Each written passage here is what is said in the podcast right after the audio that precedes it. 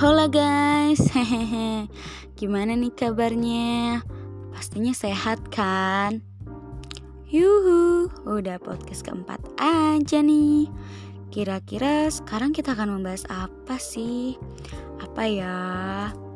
Yaps, jadi kita akan melanjutkan podcast sebelumnya, yaitu aspek-aspek administrasi 2. Guys, kalian tahu nggak sih apa itu komunikasi dan koordinasi? Hayo apa? Koordinasi itu lanjutan dari sebuah komunikasi untuk mencapai tujuan yang diinginkan. Awal mencapai tujuan itu melalui komunikasi. Dengan kata lain, jika komunikasi tercapai akan menghasilkan koordinasi. Dalam proses komunikasi belum tentu ada koordinasi akan tetapi, dalam koordinasi ada komunikasi.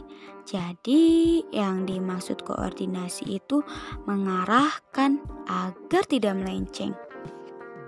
Nah, jadi gitu guys, komunikasi dan koordinasi sangat saling berhubungan satu dengan yang lainnya. Guys, guys, mau tanya lagi dong. Boleh kan? Boleh kan? Boleh dong. Kalian tahu nggak apa yang dimaksud dengan efektivitas dan efisiensi? Apa hayo? Hmm, pastinya tidak asing kan dengan istilah tersebut? Yaps, betul sekali.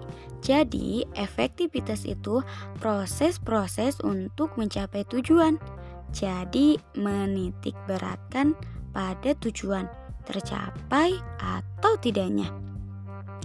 Kalau efisiensi itu ketepatan atau kesesuaian. Hal itu berhubungan dengan waktu, tenaga, bagaimana SDM yang digunakan pada kegiatan tersebut. Semakin kecil SDM yang digunakan, maka semakin efisien hal tersebut. Hehehe, mau tanya lagi dong. Ada yang tahu apa yang dimaksud dengan kinerja dan produktivitas?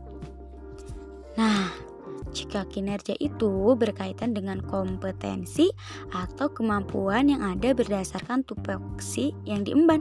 Jika tidak tercapai salah satunya, maka buruk kinerjanya. Kalau produktivitas itu hasil kerja.